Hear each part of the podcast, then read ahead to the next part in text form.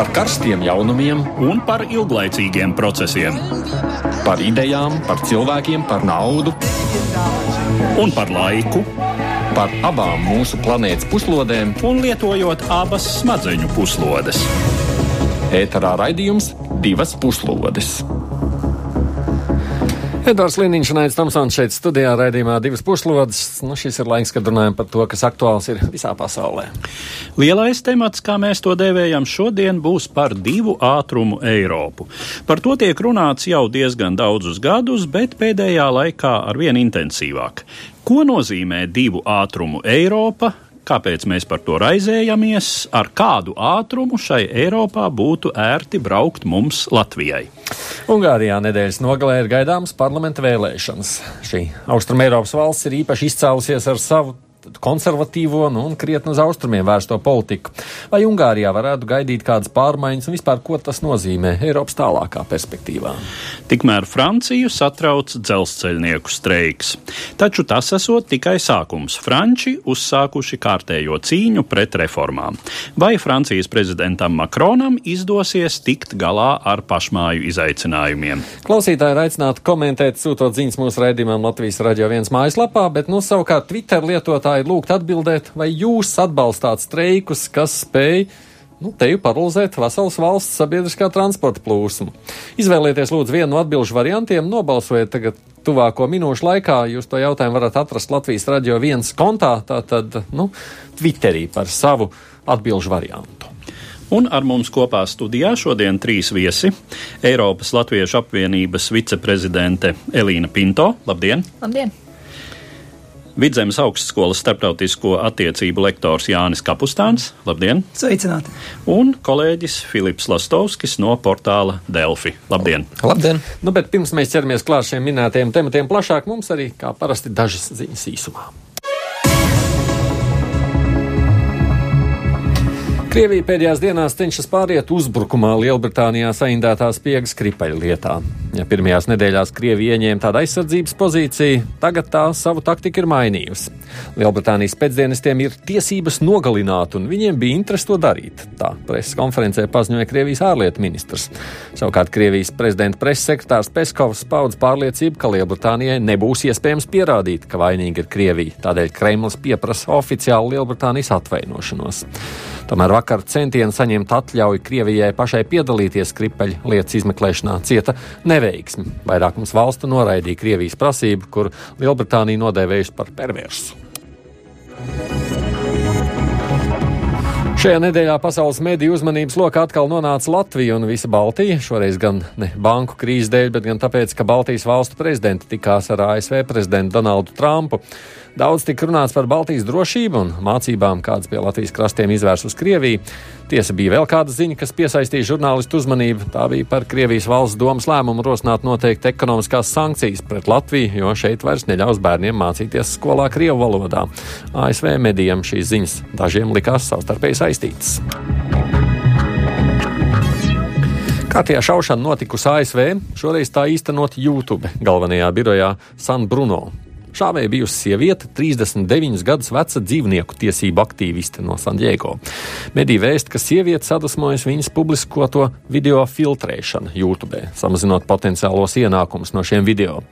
Savulaik kādā dzīvnieku protesta akcijā pret cūku izmantošanu militārajās mācībās, sieviete intervijā laikrakstam teikusi, ka dzīvnieku tiesības viņai esot tikpat svarīgas, cik cilvēktiesības.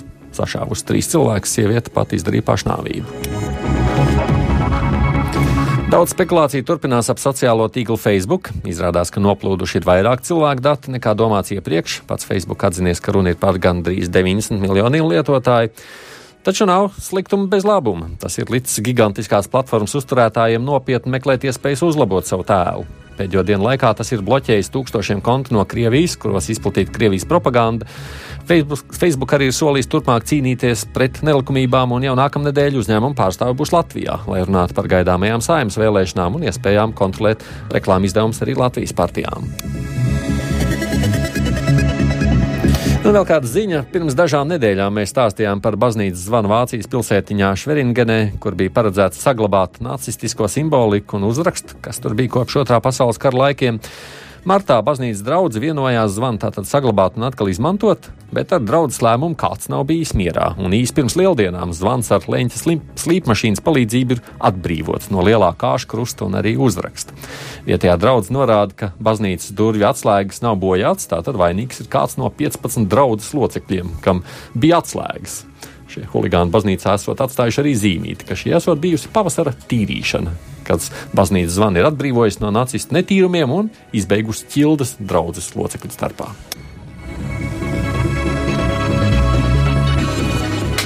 Bet nu, par pieminētajiem sākumā notikumiem plašāk un sākam vispirms par Eiropu un tās nākotni. Mēs jaucam suverenitāti un nacionālismu. Es saku, suverenitātei patiesi tic tieši pro-eiropiski domājošie. Eiropa ir mūsu iespēja atgūt pilnīgu suverenitāti.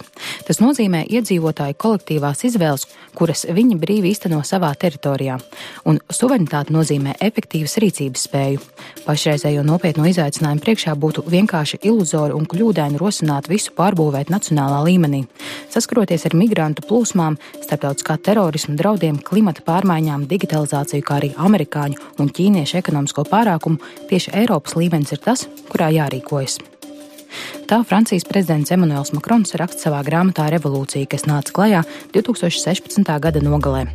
Uzvaru prezidenta vēlēšanās Makrons svinēja 2017. gada aprīlī, savukārt jūnijā viņa samērā jaunā partija uz priekšu republika pārliecinoši dominēja Francijas Nacionālās asamblejas vēlēšanās, iegūstot vairākumu parlamentā. Makrona platforma ir reformistiska, un šai ziņā viņam ir ambīcijas nevien nacionālā, bet arī Eiropas Savienības līmenī. Jāteic, šobrīd Eiropā vispamanāmākās ambīcijas. Prezidents vēlētos redzēt Eiropas Savienību ar pārnacionāliem militāriem spēkiem, vienotu robežu sēdz un patvērumu piešķiršanas dienestu, to visu centralizēti plānotu, vadītu un finansētu. Un tās ir tikai konkrētākās un aktuālākās no viņa idejām, kuru fonā vīta daudz ciešāks Eiropas tiesiskās un politiskās telpas integrācijas plāni, kā apgalvo daži būtībā vienots Eiropas valsts modelis. Kā liecina citētais fragments, prezidenta Makrona atbild ir, ka mūsdienu globalizētajā pasaulē nacionālo valstu līmeņa suverenitāte jau lielā mērā ir kļuvusi par ilūziju un pietiekams svars var būt tikai Eiropas līmeņa suverenitātei. Saprotams, ka šādas idejas, kas nozīmētu daudz lielākas nacionālās suverenitātes daļas deleģēšanu Eiropas Savienības institūcijām, tiek uztvērtas skeptiski kā Francijā, tā citur Eiropā. Var prognozēt, ka dažādu savienības valstu gatavība iesaistīties būs visai atšķirīga, un tas jau atkal liek runāt par vairāku ātrumu Eiropu. Sākotnēji, kad vecajām dalību valstīm savienībā pievienojās postpadomju jaunpienācējs, šī tēma pamatā šķita saistāmies ar ekonomiskās un sociālās attīstības atšķirībām. Taču pēdējā desmitgadē tajā arvien spilgtāk iezīmēs arī politiskās un vērtību orientācijas šķautnes, kā zināms, demokrātijas un tiesiskuma izpratnes īpatnības Ungārijā un Polijā. Un arī pozicēšanās pret prezidenta Makrona idejām nepārprotami notiks tieši pa šiem vektoriem. Līdz šim Francijas līderi idejas Eiropas politiskajā vidē apspriest salīdzinoši uzmanīgi un klusināti. Taču nākamajā gadā gaidāmās Eiropas parlamenta vēlēšanas, kurām Emmanuels Makrons un uz priekšu republika gatavojas ļoti aktīvi, tās noteikti nostādīs priekšplānā.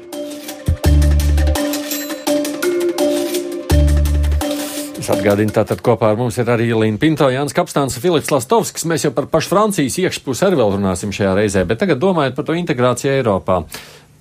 Vispār ir iespējams runāt tādās kategorijās, labi vai slikti. Nu, domājot par vairāk ātrumu Eiropu, sakot, jo nu, kāda taču grib ciešāku integrāciju, kādiem viņi nepatīk vai ne. Nu, cik šis jautājums vispār ir svarīgs par ātrumiem? Kapstānkungs. Es teiktu, ka būtībā jau Eiropas Savienība jau pastāv no vairākiem ātrumiem. Tā būtībā ir realitāte, par ko vienkārši tagad ar vien vairāk sāk Aha. līderi runāt. Un, ja mēs paskatāmies, kādās jomās tad ir atšķirības, pirmkārt jau varētu mēs teikt, ka jau vēsturiski Eiropas Savienība diezgan ātri izveidojās ar dažādiem ātrumiem. Es teiktu, jau no pirmās paplašināšanās reizes, tas nozīmē tad, kad iestājās Lielbritānija un vēl dažas valstis, tad diezgan drīz jau Lielbritānija sev sāk panākt dažādas atrunas un īpašas izņēmumus. Un tā tad savalkot kopā, mēs redzam, ka attiecībā uz dalību Schengens brīvas robežu zonā, attiecībā uz dalību Eiro, kur ir Eirozonā tātad 19 no 28 valstīm, un tagad nāk klāt jaunie jautājumi - migrācija, budžets, lauksēmniecība, tā ka faktiski šeit parādās šī te realitāte, un skaidrs ir, ka tie, kas grib virzīties uz priekšu ātrāk, viņi ir ieinteresēti, lai tie, kas nepiekrīt, lai viņas nekavē.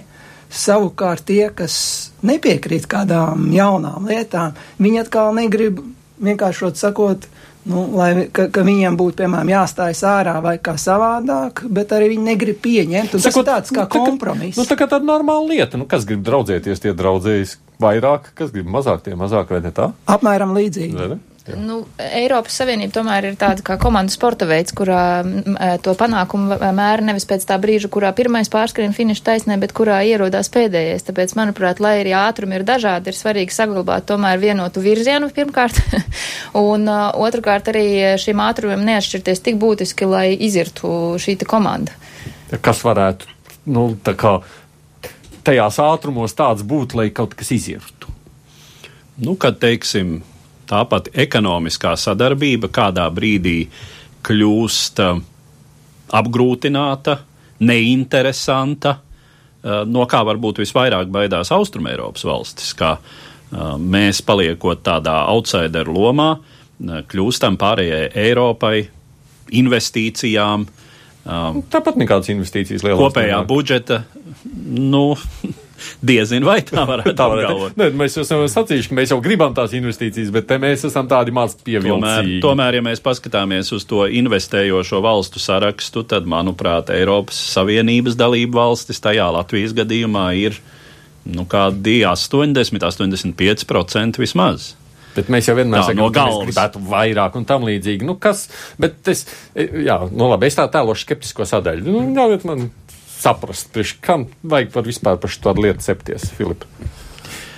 cepties, lai saprastu, kā attīstīt kopīgu nu, labklājības līmeni, kurš augtu gan Latvijā, Igaunijā, Vācijā, Francijā.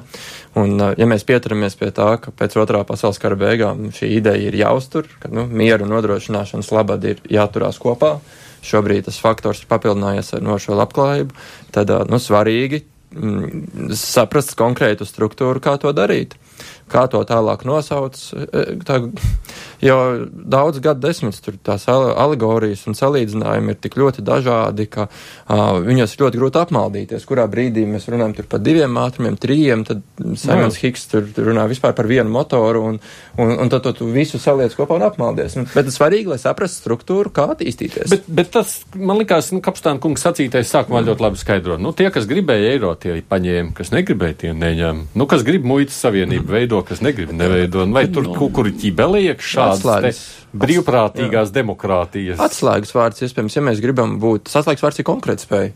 Ja mēs gribam būt globāli konkurētspēja pasaulē, kurā eksistē strauji augoša Indija, Ķīna, aizvien ASV, tad mēs sadalīti nevaram ar viņiem konkurēt. Mēs varam konkurēt, ja mēs liekam savus, nu, teiksim, tā, šīs tā suverēnās ekonomikas kopā. Bet kurš grib, tas konkurē, kurš negrib, nu, tu taču viņu nevari piedot piespiest. Nu, piespiest jau arī tur jau ir tā runa, ka piespiest neviens negrib. Un, ja mēs runājam par prezidentu Makronu, tad viņa koncepcija ir, jā, katrs piedalās tik tālu, cik tālu vēlas. Bet nu, jautājums ir droši vien par to, cik katras valsts sabiedrība apzinās savas nākotnes vajadzības un savas šī brīža izšķiršanās iespējamos nākotnes rezultātus. Un uh, varbūt tādā līmenī ir, ir jautājums par to, cik teiksim, mēs esam gatavi, lai mūs tā tēvišķīgi pamāca. Ja? Bet vai nesanāk tagad tā, nu, atbildiet man, mēs paši negribam ļoti, teiksim, tā integrēties, nu, tā ciešāk, ja negribam ļoti cieši draudzēties. Un tad skatāmies uz tiem, kā tikai tie pārējie arī nedraudzētos pārāk cieši. Ne, tā nav. Nu, tā varbūt gluži nav. No, ja, ja mēs skatāmies uz Baltijas valstīm, nu, mēs līdz šim drīzāk esam bijuši uh, tādi integrācijā ieinteresēti. Nu, varbūt tie paši pēdējie gadi ar tiešām šo Eh, bēgļu migrantu krīzi mūs ir nobiedējuši, kā ir nobiedējuši ļoti daudzas sabiedrības Austrum Eiropā, un eh, mēs runāsim par Ungāriju. Eh, turpmāk tur šis ir viens no politikas stūrakmeņiem, kā attiekties pret Eiropā ieceļojošajiem ne eiropiešiem, ne kristiešiem. Tad līdz šim jau nu, trīs Baltijas valsts ir bijušas drīzāk, drīzāk tādi labie bērni. Um, arī teiksim, mūsu ciešā sadarbība ar Ziemeļvalstīm, diezgan cieši sakara ar Vāciju un tā tālāk. Un, uh, pamatā diezgan izteikti atgrūšanās, jā, Eirozona, Schengen, nu, un diezgan izteikti atgrūšanās no mūsu austrumu kaimiņa, kas ir uh, tas to vektoru veicinošs faktors. Bet, nu, šobrīd parādās tomēr tās tendences, ka vērojot mūsu višagradas kaimiņus, mums rodās tas vilinājums izrādīt savu kaut kādā mērā aroganci vai nu, tādu pār, pārprastu patstāvību nereti arī nevietā. Un man liekas, šeit ir būtiski atcerēties arī to, tos Makrona vārdus, ka Eiropa tomēr nav lielveikals, kurā mēs varam izvēlēties sev tīkamāko konfekti, bet tajā pašā laikā nu, at, atteikties no tādām solidaritātes izpausmēm, kas ir svarīgas arī mūsu partneriem. Tāda ir arī šīs savienības jēga.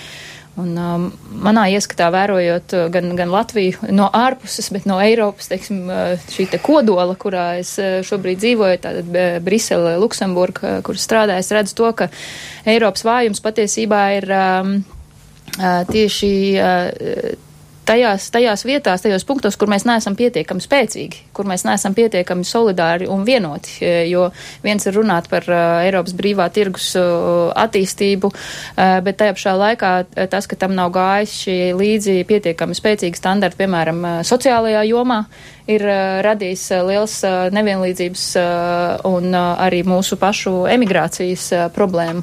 Tāpat tām arī mēs runājam par finanšu noziegumiem, tad šī ir joma, kurā es nesaprotu, kāpēc no Latvijas puses bija vilcināšanās pievienoties kopiem Eiropas prokuratūras izveidei, jo šie ir izaicinājumi, kuriem mēs tieši saskaramies, ar kuriem mēs varam cīnīties, un tieši tā kā jau tik minēts, celt savu konkurētspēju un, un pievilcību investoru vidē tikai tad, ja mums ir kopīgi risinājumi. Tātad šie, nu, es saskatu to, ka mūsu vājums ir tajā, ka mēs neesam pietiekami ambiciozi un uh, saliedēti šajās jomās, kurās risinājumi ir tikai iespējami sadarbībā ar mūsu partneriem. Par kurām jomām mēs sakām, ka tās šobrīd ir aktuālas, kur tie ātrumi tagad draud nākošajos gados krietnāk atšķirties? Par kurām jomām? Nu, tā joprojām ir Eirozona. Nu, labi, Eirozona, kur nav īsti jau, skaidrs, kad, eksistē, eh, kad centrāla Eiropas valstis varētu vai gribētu tai piebiedroties. Tātad Polija, Ungārija, Čehija. Um, nerunājot par, par Zviedriju, Dāniju. Um, nu, tā ir šī um, bēgļu, migrantu, patvēruma meklētāju politikas, vienotas, integrētas Eiropas politikas izstrādāšana, risinājumu kopīga meklēšana, nu, kur Austrum Eiropas valstis um, vairāk tā kā uzstāja, ka um, tām ir tiesības ar šo problēmu Jā. nenodarboties, ja tā uz tām tieši neatiecas. Bet mēs te pieminējam Makronu un tam līdzīgi sakot, ka nu, viņi ir gatavi iet tālāk, nākošajos soļos, dziļāka integrācija. Kuros soļos? Jūs tur, kapstānkungs, sākāt man skaitīt kaut ko. Jā. Būtībā es teiktu, ka Makrons mēģina tās lietas bīdīt līdzīgā veidā, kā savulaik 60. 50. gadu beigās jau slavenais De Gauls darīja. Ja? Un tas nozīmē, ka tad, kad Franči runā par Eiropu un par kaut kādām kopīgām lietām, tad tas jāsaprot, ka sirdī viņi domā un runā par Francijas interesēm. Tas nozīmē, ka ja ir vajadzīgs vairāk, eh, teiksim, kaut kādas kopīgas politikas Eiropas mērogā, tad tas varētu būt Francijai izdevīgi. Viņi saprot, ka Francija vien pati, nu, nespēja konkurēt, būtībā atpaliek tie laiki, kad Francija 19. gadsimts Napoleons Bonaparts, tas viss ir sen pagājis, un Franču interesēs ir tātad vairāk kopīgas Eiropas, bet esam uzmanīgi, viņi absolūti nav pār pārnacionāla Eiropa. Šeit tas pats De Gauls, un es domāju, Franči šodien nu, arī ļoti spēcīga Lepēna un citi, un es domāju, arī Makrons, viņi negribētu pārnacionālā Eiropu, kur nu, ir kā Francija zaudē. Bet kas būtu tie, jo mēs, piemēram, gribētu droši vien, ka mums visiem pensijas maksāt no, no kopēja, vai ne? būtu labāk. Es domāju, tuvākā laikā tā ir utopija, no, no. jā, un tas ir vienkārši bet, tad, tad par, ko, par ko kopēji tad ir runa, jā, nu, nu man liekas, ka primāri jau mēs runājam arī par monetāriem un fiskāliem jautājumiem un finanšu jautājumiem. Viens konkrēts piemērs, piemēram, šobrīd, kurš ir, nu, es negribu tā klišējās teikt, bet es iedomājos, un jau ir par vēlu, karstais kartupēls, uh, ir, piemēram, Eiropas centrālās bankas. Uh, šobrīd konkrētas definētas funkcijas attiecībā pret to, cik viņas stāvu drīkst iejaukties nacionālajās bankās, kuras viņi uzrauga. Šobrīd, piemēram, mēs bijām konkrēti piemēram Latvijas gadījumā, kur tad, tā tad ABLV bija viena no tām bankām, kur ir šajā sarakstā ECB, kurai it kā teorētiski ir jāuzrauga. Vienlaicīgi mēs redzam, ka uh, pirms uh, Eiropas centrālās bankas, un nerunājot par latviešu uzraugu, Latvijas uzraugu ASV. Amerikāņu uzraugu bija efektīvāk. Tad šis ir viens noteikti lielāks sinhronizācija jautājumos, kas skar fiskālos un monetāros abas divas šīs puses. Tā ir tā pirmā. Bet, bet es varu vienkārši, nu, ja mēs pa, pa, paturpinām arī to, ko Kapstāna kungs minēja par to, ko Francija grib vai negrib, tas konteksts visu laiku ir jāatcerās, ka mums tā kā foniņā aiz muguras stāv Lielbritānija, kur nebūs vairs Eiropas Savienībā. Un līdz šim bija trīs valsts Eiropas Savienībā, ar kurām Eiropas komisija, teiksim tā, saskaņoja kaut kādus konkrētus likuma aktus, pirms viņus piedāvāja pārējām valstīm. Tā ir Francija, Lielbritānija un Vācija. Tās trīs liel, būtiskākās valsts. Un tagad Lielbritānija tā ārā paliek divas, līdz ar to mainās spēku līdzsvars. Un tas spēku līdzsvars ir uz jautājuma zīmes, kā viņš tālāk arī izmainīsies, jo valsts pārgrupējās pašlaik. Viņas meklē Latvijas, arī kaut kur lieniekšā, kāda cita valsts pārgrupējās. Un Francija ļoti iespējams šādu spēlē grib beigu beigās iegūt vienkārši tie spēku līdzsvarā labāku lomu. Bet, ja es pareizi saprotu no Pinto kundzes, nu, mūsu interesēs jau ir šāda dziļāka integrācija, ne? Nu, es esmu tam pilnīgi, par to pilnīgi pārliecināta, jo stipra Latvija būt, var būt tikai stipras Eiropas Savienības ietvaros. Mēs redzam to, ka tie lieli izaicinājumi, ar ko mēs saskaramies, lai tas būtu kohēzija vai tie paši jau pieminētie finanšu telpas uh, jautājumi vai arī uh, robežsardzes, piemēram, funkcija un arī drošības izaicinājumi. Tur ir loma, ko var spēlēt Eiropas Savienība. Un Brexit šajā ziņā, lai cik skumji arī tas nebūtu Eiropai, bet tā ir arī, zinām, mērā iespēja mums savākties, sagrupēties ciešāk kopā, jo lielā mērā ir, nu, Lielbritānijas īpašā vēsturiskā pozīcija bijusi tā, kas ir bijis šis te pretspēks Eiropas, vienots Eiropas idejām. Un man liekas, ka svarīgi šobrīd ir atrast, kā jau minēja arī Filips, vietu Baltijas valstīm. Kas mēs esam? Un es redzu nedaudz biedējošas tendences mums slīdēt Višegradas valstu virzienā attiecībā uz tiesiskumu, uz, uz arī šiem pašiem migrācijas jautājumiem, vienlaikus aizmirstot to, cik lielā mērā mūsu ekonomika ir sasaistīta arī ar šo te kohēzijas jomā un reģionālās attīstības jomā ar, ar mūsu Eiropas partneru ieguldījumu. Un es domāju, Baltijas valstīm ir sava potenciāla, sava spēcīga identitāte, kas ir uh, ciešāk saistīta, saistām ar Ziemeļvalstu uh, tradīcijām nekā ar uh, šiem te Višegradas sliktajiem pabērniem.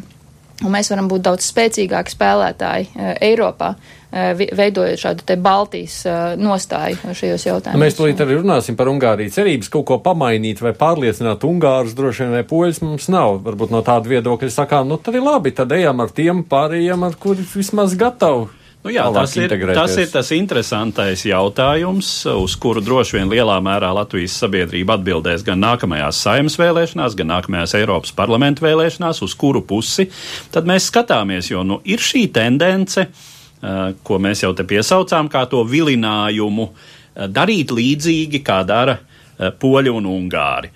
Tur ir dažādi motīvi, tur droši vien ir motīvs, kā uh, pārāk liela integrācija Eiropas Savienībā mūs biedē. Mums šķiet, ka tā var kļūt vienā brīdī kaut kāda atkārtotā padomju savienība, kura iznīcina nacionālo valstu identitātes. Tur ir droši vien kaut kādi motīvi, kas saistās ar tradicionālajām mūsu izpratnē vērtībām, kas ir aizmirstas Rietuma Eiropā pārlieku nu, tātad ģimeniskās vērtības, kristīgās vērtības, tāds diezgan, jāsaka, sarains un arhaisks konservatīvisms, kas patiešām Rietuma Eiropā lielā mērā ir aizmirsts. Nu, tas vēl joprojām ir dzīvs mūsu šai posttelpā. Par kuru atgādina arī Krievijas informatīvie viļņi. No. nu, un, protams, Krievija, Krievija adresē šos, šos noskaņojumus lielā mērā savā propagandā. Uh, Un es gribētu teikt vienu, vienu varbūt tādu mazliet vienkāršotu, bet būtisku lietu. Un mums tomēr vajadzētu padomāt par to, vai rīkojoties un domājot politiski un šai vērtību orientācijas ziņā, kā Polija, Ungārija, varbūt Rumānija, mēs varam tad cerēt dzīvot kā Dānija, Zviedrija, Norvēģija. Es domāju, ka ekonomika tomēr ir saistīta arī ar vērtību. Mēs par Ungāriju tūlīt runāsim, es redzu, bet varbūt pārējot es... Andrejs raksta šādi. Vācietis grib redzēt savā ciemā kurdu, sīrieti, marokāni. Es negribu. Vai tad es esmu slikts komandas spēlētājs? Nu, neba, neba nu vācietis arī grib, jā. Bet es drīkstu, drīkstu jā, jā, īsi, īsi iebilst tai viši, tam Višegrada salīdzinājumam. Jo es saprotu, kur, tā, kur rodās tas iespējas vai sajūta, vai, nu, tā, tā pietojās realitātei tas salīdzinājums, nu, ar atsevišķām likumdošanām, kas saistās mūsu valstī. Taču man šķiet ļoti pamanāma vēl viena tendence, ka mēs kopā ar Baltijas valstīm un uh, Skandināvijas valstīm atsevišķām tuvojamies ar Nīderlandi. Un tas norit jau divus gadus pēc Brexit, kad uh, tātad Nīderlandes premjers uh, uzrunāja Māri Kučīnska biroju, uzaicināja ciemos viņus uz pārunām par uh, Benelux un Baltijas valsti, tātad šo te savienību, kurā mēģināt pārgrupēties. Nu, ko es minēju iepriekš spēku līdzsvaru jaunies jautājumos.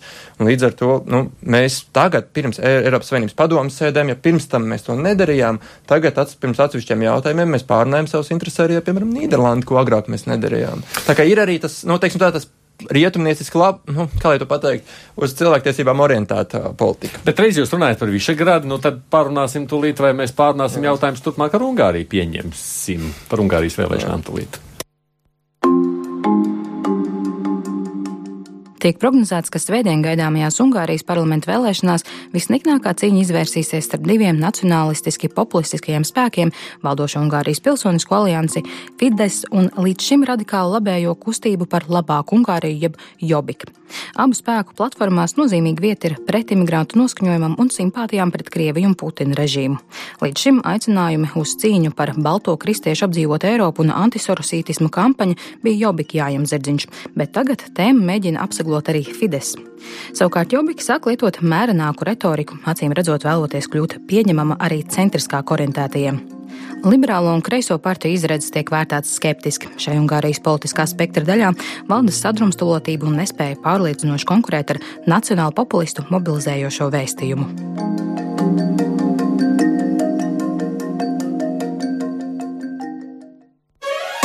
Divas puslodes! Atgādini šeit studijā ir no Eiropas Latviešu apvienības Elīna Pinto no Vidzemes augstskolas Jānis Kapstāns un arī kolēģis Filips Lastovskis no Delfiem. Kāpēc tieši Ungārija ir kļuvusi nu, par tādu, es nezinu, nacionālu konservatīvismu simbolu?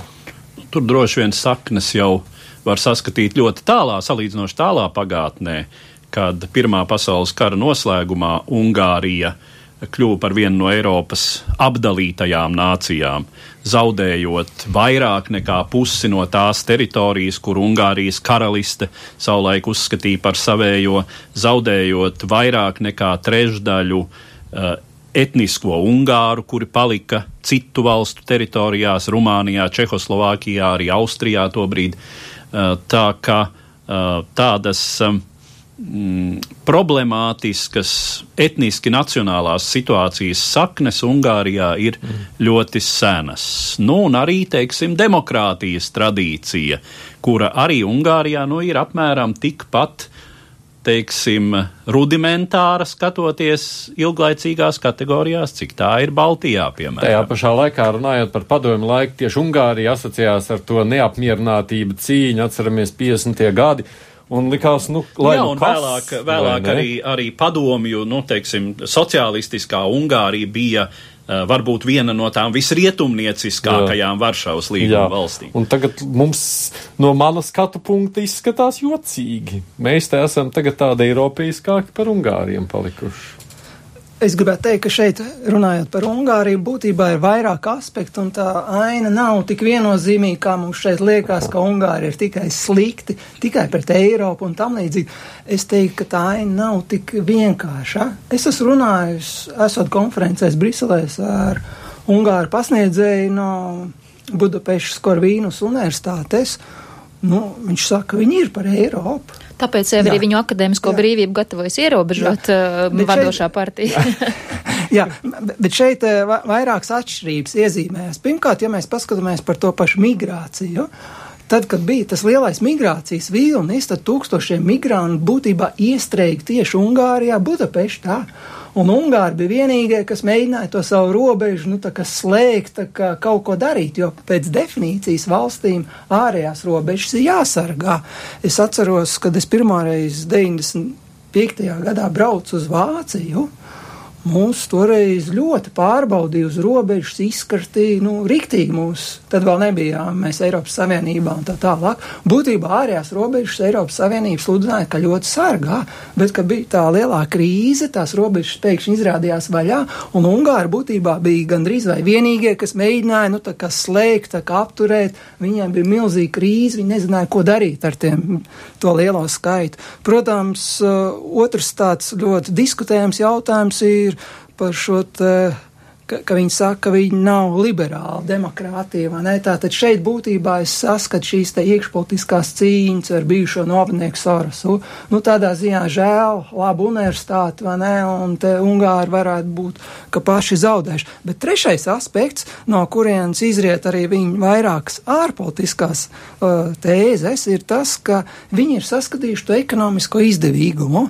Tātad tā ir diemžēl tieši Krievija, kas viņiem to lielo atomelektrostaciju būvē, un viņi pareiķinājuši, ka tas viņiem ir izdevīgi, ka tas viņiem ir lētāk, un būtībā jau es kategoriski iebilstu.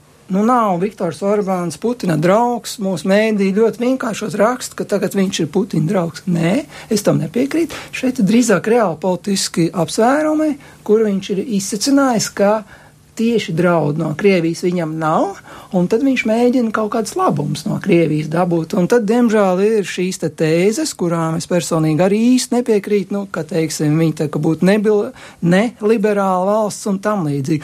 Un, protams, ceturkārt, ja izvēršot diskusiju, mēs vēl varētu teikt, ka, nu, būtībā, kam tad ir monopols, uz kas ir šī liberālā demokrātija, varbūt, ka ir arī dažādi modeļi par migrāciju, nu, mēs nevaram būt tik viennozīmīgi. Es vēlreiz saku, Es un? absolūti nepiekrītu visam, ko viņi dara, un man personīgi ļoti nepatīk, ja viņi tiešām slavēja Krieviju, bet nav tik viennozīmīgi, kā mēs te pasniedzam, ka viņi būtu tuvākie Krievijas draugi. Absolūti nē. Kopā ar iesaku Pintokums?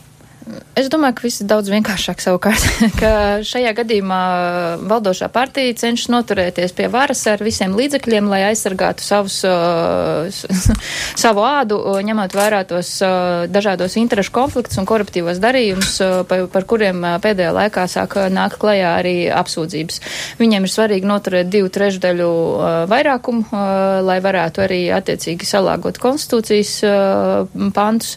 Viņi ir tagad gatavi uz jebkuriem visiem uh, līdzekļiem, uh, lai nodrošinātu savu nu, politisko dzīvotspēju un līdz ar to arī nenonāktu tiesas priekšā par. Uh, Bet vēlētāji jau atbalsta, vēlētāji jau atbalsta. Nu, mēs redzēsim, tas nav arī tā, tik vienkārši, jo mēs redzējām, kā reģionālās vēlēšanās, nu pat vienā no šīs valdošās partijas līdz šim spēcīgākajiem atbalstītāju reģioniem uzvar tomēr guva opozīcijas pārstāvi. Līdz ar to, kā jau Kapstāna kungs minēja, tas, kas tas, ko mēs saprotam ar vārdu Ungārija, nevienmēr tas, ko domā Ungāri. Un uh, svarīgi ir šī kritiskā masa. Mēs redzam arī to, ka interesanti arī mūsu vēlēšanu, uh, priekšvēlēšanu gaisotnē ir uh, Orbāna mēģinājumi pēc iespējas mobilizēt savus, savus diasporas pārstāvis, uh, reģistrēties vēlēšanām un arī balsot tajā, jo viņi ir redzējuši to, ka iepriekšējās vēlēšanās 95% no um, etniskajiem Ungāriem ārvalstīs ir balsojuši par to šo te partiju partiju. Līdz tam no viņa puses nebija nekādas intereses par šo diasporu, un šobrīd, tāpēc, ka diasporas valsts var pienest tās divas trūkstošās līdz šim divu trešdaļu vairākumam, ir mētiecīga politika vērstajā virzienā. Nu, piemēram, mūsu tojošās vēlēšanas. Um, Man nerada tādu priekšstatu, ka mūsu uh, vadošo partiju pārstāvi vēlētos uzrunāt tādā tikpat aktīvā un uh, mērķiecīgā veidā mūsu diasporu, kas uh, liek arī izdarīt secinājums par to, cik liels uh, atbalsts ir uh, noteiktiem politiskiem uh, spēkiem uh, no mūsu diasporas, ir tīpaši Eiropā. Jā, bet no savukārt mūsu politiskie spēki nepavisam nav tik populāri, kā tas ir vērojams šobrīd Ungārijā. Jā. Pirms nākšanas uz diskusiju arī aprunājos ar kolēģi žurnālistu no Ungārijas, kurš vēl strādā vienā no retajiem, teiksim, mēdiem, komerciālajiem kas nav, teiksim, varas pakļauts, viegli tā izskoties. Un tā, tā sajūta ir diezgan depresīva, jo pat socioloģiskajās aptaujās, kas nav politiskas, kas nav ar Fides vai Jobiku saistīts, kas ir, vai arī ar, ar šo pašu nu, opozīciju, tā prognoze ir, ka virs 50% pats tikai Fides pats var savākt šo nu, uzvaru. Līdz ar to nu, kopumā ar šiem Jobiku balsīm. Un tas, um, Un tas, tas, tā depresija sākās tajā brīdī, kad tās opozīcija nesniedz alternatīvu piedāvājumu tādā ziņā, ka viņu arguments ir, mēs esam pret Fidesz vai esam pret Jobiku, bet vienlaicīgi viņas nav par kaut ko, kādai tai Ungārijai ir jāizskatās. Viņas ir, tas plus tās arī tā opozīcijas partijas ir jau pēdējo septiņu gadu laikā šķeļās vēl trakāk nekā Latvijā partijas šķeļās, kā mēs šobrīd redzam. Un viņas ir sadrumstalotas un bez piedāvājumu, un tas vienkārši cilvēks dzen strupceļā. Jā, cik es saprotu, tad galvenā problēma šīm opozīcijas partijām, ka viņām nav ko likt pretīm uh, šai uh, antimigrantu fobijai, kurai, kā mēs secinājām Ungārijā, ir konkrēts pamats, jo, nu, ja valstī tiešām, teiksim, tā gāžas cauri diezgan nekontrolēta cilvēku masa, uh, tad, uh, jā, nu, pilsoņi iedzīvotāji nonāk, var nonākt tuvu panikai un balsot par to, kurš ar attiecīgu spēcīgu politiku šo jautājumu adresē. Un šajā ziņā šī liberālā un kreisā opozīcija nepārprotami zaudē nacionālistiem, kas ir Fidesz un kas ir arī Jobik. Nu, te tas interesantais, kas ir šajās vēlēšanās, ka līdz šim, teiksim, Jobik ir bijis radikāls un Fidesz ir bijis centriski, nacionālistiski labējs.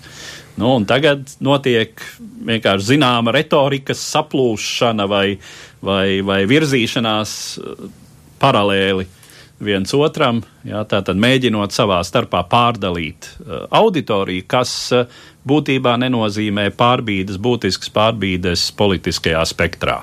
Man ir sajūta, ka tiešām šī um, manipulēšana ar uh, šo migrācijas tēmu, tā patiesībā lielā mērā ir tāda putu kulšana uh, vietējā savā politikā, un uh, tas atņem uh, to politisko enerģiju un mērķiecību, ko Ungārija varētu ieguldīt tajā, lai veidotu tiešām šo te vienoto Eiropas uh, politiku šajā jomā, kas balstītos gan arī uz uh, mūsu robežu sargāšanu, gan arī uz mehānismiem iekšēnē, kas nodrošinātu arī nelikumi, neregulāri neregulārā ceļa, nelikumīgā ceļā ieceļošo atpakaļ uh, sūtīšanu uh, pēc iespējas ātrāk.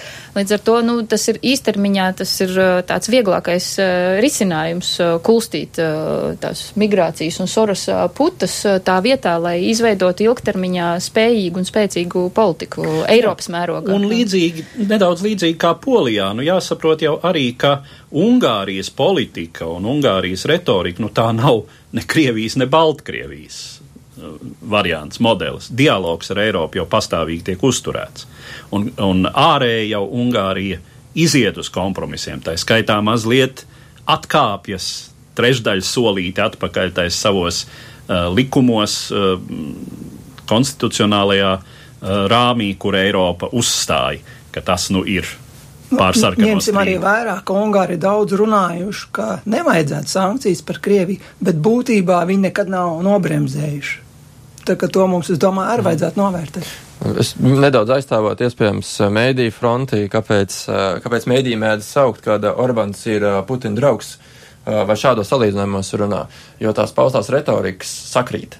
Un tādējādi ļoti bieži tas, ko saka Orbāns, nevienmēr obligāti ir tur, nemēģina implicēt saskaņots vai kā ar Krieviju, bet viņas tik ļoti sadara tajā Krievijas propagandā, ka tas palīdz radīt iespēju par Eiropas Savienību kā sašķeltu un neizdevušos savienību, kurai draud iznīcība, monstrāla un tam līdzīgi. Uh, es tomēr ātri vēl mēģinātu iebilst no savas puses, tad jau mēs varētu kā Putina draugu arī apzīmēt Turcijas uh, vadoni Erdoganu, bet piedodiet, pirms uh, dažiem gadiem tad šis draugs notriec Krievijas lidmašīnu un draugu lidmašīnas jau netriec. Te ir vienkārši reāli pragmātisks intereses. Nu, vēsturiski tās draudzības sevišķi starp autoritāriem līderiem ir bijušas uh, mainījušās dažu dienu laikā. Atcerēsimies 41. gada 22. jūniju. Ja Ungārija ir viena no tām valstīm, kas rāda nu, tādu Eiropas savu seju, kāda ir veidojusies pēdējos gados, tad uh, Mēs savukārt sākumā pieminējām Franciju, kas šobrīd rāda citu seju Eiropai. Francija savukārt arī ir nonākusi daudz iekšēji dilēmu lietās, tāpēc par Franciju tagad turpinām. Francijas dzelzceļa pasažierus gaida trīs kaitinoši mēneši. To laikā valsts dzelzceļa kompānijas darbinieki ik pēc trīs dienām divas dienas pavadīs streikojot. Dzelzceļnieki vēlas saglabāt sociāli ļoti labvēlīgos darba līgumus, kurus prezidenta Makrona valdība grasās pārskatīt vispārējās reformu programmas ietvaros, pielīdzinot tās citu nozaru uzņēmumu standartiem. Apstākļos, kad dzelzceļa pasažieru skaits pastāvīgi krītas, kompānija kļūst katastrofāli nerentabla un zaudē konkurētspēju. Tā kā plašas ekonomiskās un sociālās reformas bija prezidenta Makrona un viņa partijas priekšvēlēšana platformas stūrakmens un attiecīgi ir saņēmušas vēlētāju mandātu, valdība negrasās piekāpties.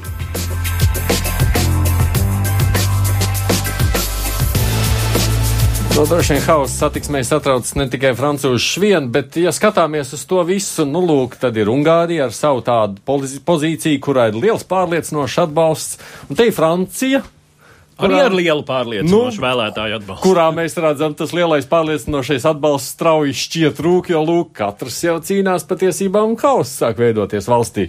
Ko tam mēs labāk gribam? Ungārijas mieru vai šitādi te Francijas? Haus. Ja mēs skatāmies uz Franciju, tad būtībā jau Makronam nav liela variantu. Ātrāk vai vēlāk, bet kādam līderim ir jāveic šīs pārmaiņas, ja Francija grib saglabāt ekonomisku konkurētspēju. Un to viss saprot. Būtībā... Neizskatās, ka viss saprot. Nu, labi, es varbūt tā pateicu. Es, es gribēju... tūdaļ iebildīšu vārdam haoss, jo streiks, kurā streikojamo dienu saraksts tiek precīzi publicēts. Tātad saraksts, kad vilciens nestrādās, trīs dienas strādās, ies, divas dienas neies. Saraksts ir trīs mēnešus uz priekšu publicēts. Tomēr var. Tas man kā darbaņēmējam nepalīdz. nu, bet... Kad trīs dienas var tikt uz darba, divas nevar. Mums var. varbūt tā grūtāk saprast ar šos visus streikus, kas regulāri notiek Francijā, Vācijā, jo, nu, Latvijā vēsturiski kopš neatkarības atgūšanas arotbiedrības ir bijušas niekulīgas un vārgas. Un tas, kas saistīts vienkārši padomju manto, mantojumu un, nu, emocionālo atmiņu par šo, šādu institūciju. Bet, uh, tas, kas tur uz vietas notiek, pašlaik izskatās, Makronam iedos tikai pluspunktus. Viņš parādīs, teikt, ka viņš ir spējīgs atņemt šiem te vienam uzņēmumam, kuram, kuram ir monopols uz kaut dažādām jocīgām nu, piemaksām un atlaidēm, kas nav citos līdzīgos nu, industrijas uzņēmumos, tā ka šīs nostu, nu, viņš būs tāds, kurš izdala vienādi. Domā, viņš, ka tas iedos pluspunktus? Es teiktu, ka, nu, ilgtermiņā es teikšu, ka jā. Nospriežot pēc tā, ko var lasīt par to situāciju. Jā. Drīzāk, jā, ir bijuši gadījumi, kad streikotāji ir piespieduši Francijas valdību atkāpt, eh, piekāpties šādos jautājumos. Šķiet, ka 90, 1995. gadā tieši dzelzceļnieki, bet šķiet, ka šis nebūs īsti tas gadījums, jo tad, kad Makrons pretendēja uz prezidenta amatu, viņam bija šis plašo sociālo reformu piedāvājums, par kuru vēlētāji arī ir nobalsojuši. Bet šis jā. ir tikai viens uzņēmums, vai ne? Mēs tagad sakām jā. tā reāli. Jā. Vēl jau jā, bet nu, šķiet, ka viens no, privileģi...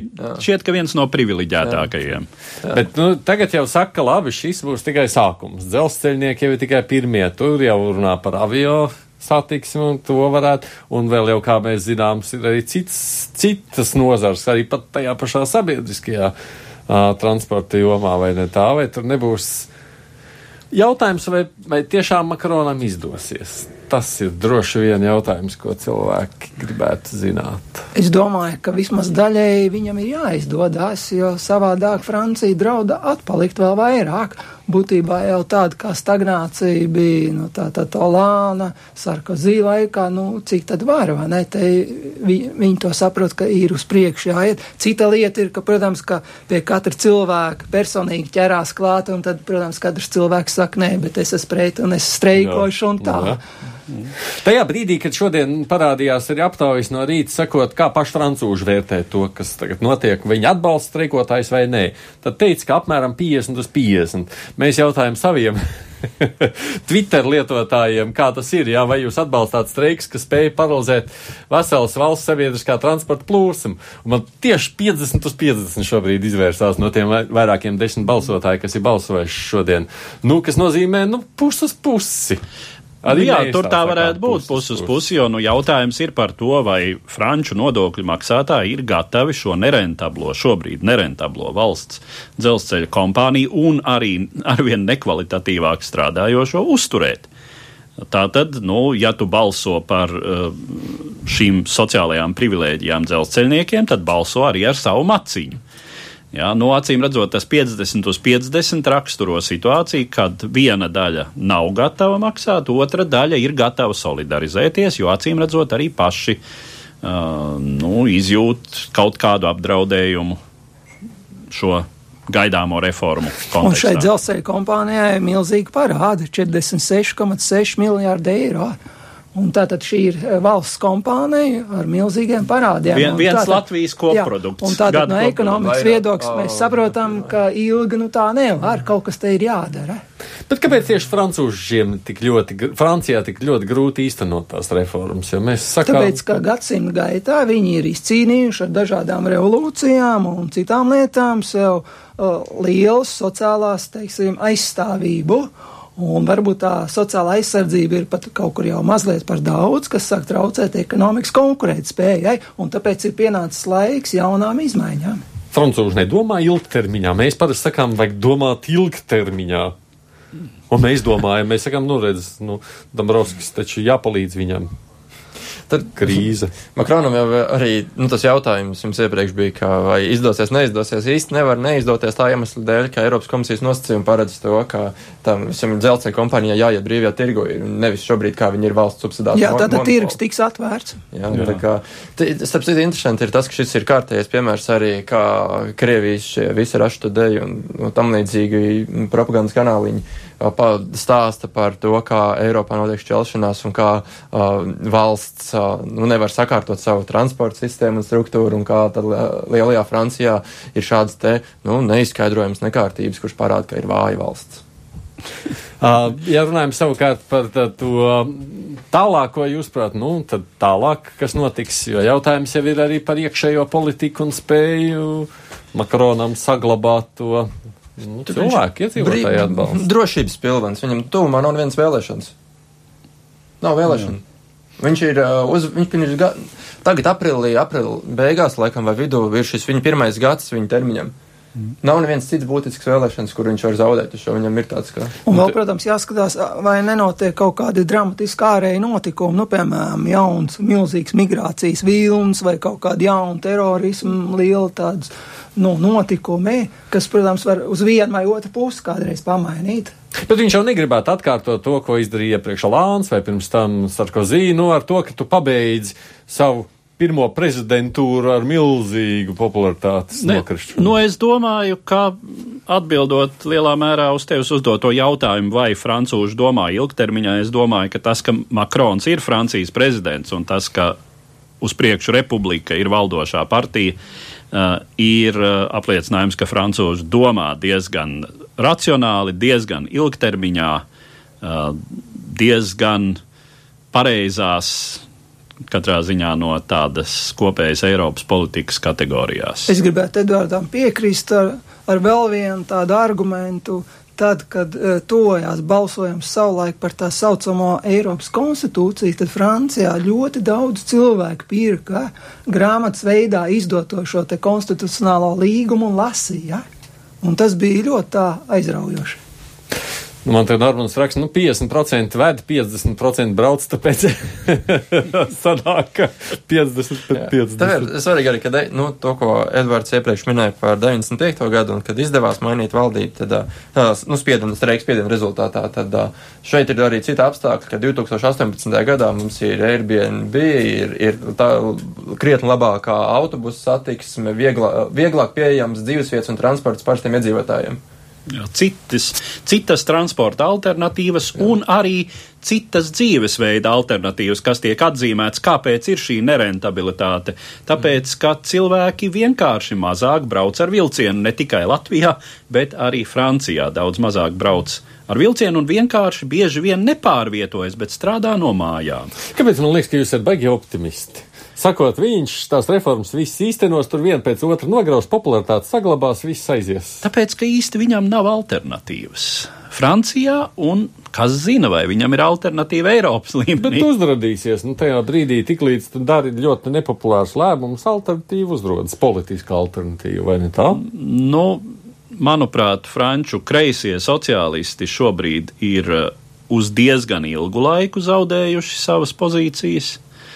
Uh, Olāna valdība bija šai ziņā izcili neveiksmīga. Uh, labējie tur ir Uh, nu, kas ir vairāk labēji par Makronu. Makrons ir izteikti centrisks. Tad, tad vēl labējāki spēki tur uh, izteikti. Tad atkal savukārt dominē Lepēna, nu, kur ir tas, uh, tas melnais zvirbulis vai, vai tā melnā vārna, kuru tomēr vairākums nekad nepielaidīs droši vien pie varas. Nu, labi, es Jūs man pārliecinājāt, sakot, ka Francijā viss būs kārtībā. Runājot savukārt par to, kāds ietekmēs visu kopējo Eiropas politiku un pārējo, sakāt, tas ir tā, ka nu, Makrona politika būtībā lielā mērā arī turpmāk noteiks to, kas notiek ne tikai pašā Francijas iekšā. Es domāju, ka pašlaik Makrons ir uzņēmies tiešām ambīcijas vadīt arī visu Eiropas Savienību, to mēs ļoti labi redzam. Vienlaiks es negribētu norakstīt, ka jau Vācijas kanclere Merkele jau būtu gandrīz jau norakstām un bez ietekmes. Tam arī nevajadzētu uzreiz pasteikties, bet, protams, Makrons viņš ļoti gribētu uzņemties līderu numur viens pozīcijas, jo, lai gan oficiāli mēs tā nerunājam, bet pēc ietekmes, nu, vismaz pēdējos desmit gadus, un tomēr Vācija bija numur mm. viens, un Francija, kas bija ilgstoši numur viens Eiropas Savienības līderi, bija tās savas pozīcijas zaudējusi. Mm. Un tagad viņš tā kā censtos atkal šīs pozīcijas mēģināt atjaunot. Jā, tā jau piesauktā spēku maiņa Eiropa šobrīd ir, nu, teiksim, es atļaušos tādu tēlainu uh, tēlainu salīdzinājumu no trīs riteņa kļūs par divriteni. Uh, Francijas un Vācijas tandēms, un divritenis var kustēties uz priekšu ātrāk. Nu, te tās grupējums vēl var dažādi iedalīt. Eh, pirms gadā, pirms Eiropas Savienības līderu sanāksmes, tad tika paziņots, ka šo dažādu ātrumu Eiropu atbalsta četras valstis. Tātad Francija, Vācija, plus Itālija un Spānija. Nu, tas tā arī interesanti. Bet francūši to novērtē, ka viņa prezidents, vai novērtēs, ka viņa prezidents nu, tik daudz arī vēl tieši šim kopējām Eiropas stāstam. Nu, tik, jāsaka, droši, droši vien, ka te jau vai kopš De Gaulle laika, nu, tik izteikta Francijas idejiskā līderība Eiropā nav bijusi. Un, ja mēs runājam par Eiropas Savienību, tad arī Lepēna ja viņi pirms tam kampaņā gāja uz to, ka ir jāizstājas no Eirozonas un jāsarīko referendums vispār par dalību Eiropas Savienībā, tad pēc tam viņi strauji nomainīja šo pozīciju, ka nē, nē, Francija ir Eiropas Savienībā. Viņi saprata, ka Franči grib Eiropas Savienībā. Man liekas, dažādi mums ir Eiropa, skatoties uz Ungāriju, kurā būs vēlēšanas un kurā nekas nemainīsies, un uz Makronu, kurā vēlēšanas nebūs un arī nekas nemainīsies, kā mums sacīja šīs dienas viesi, kas atnākuši uz raidījumu divas puslodes. Paldies, Vidzemes augstskolas!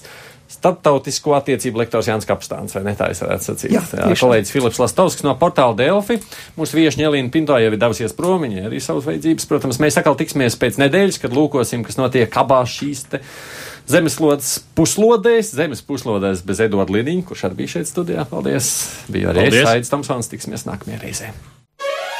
Divas puslodes!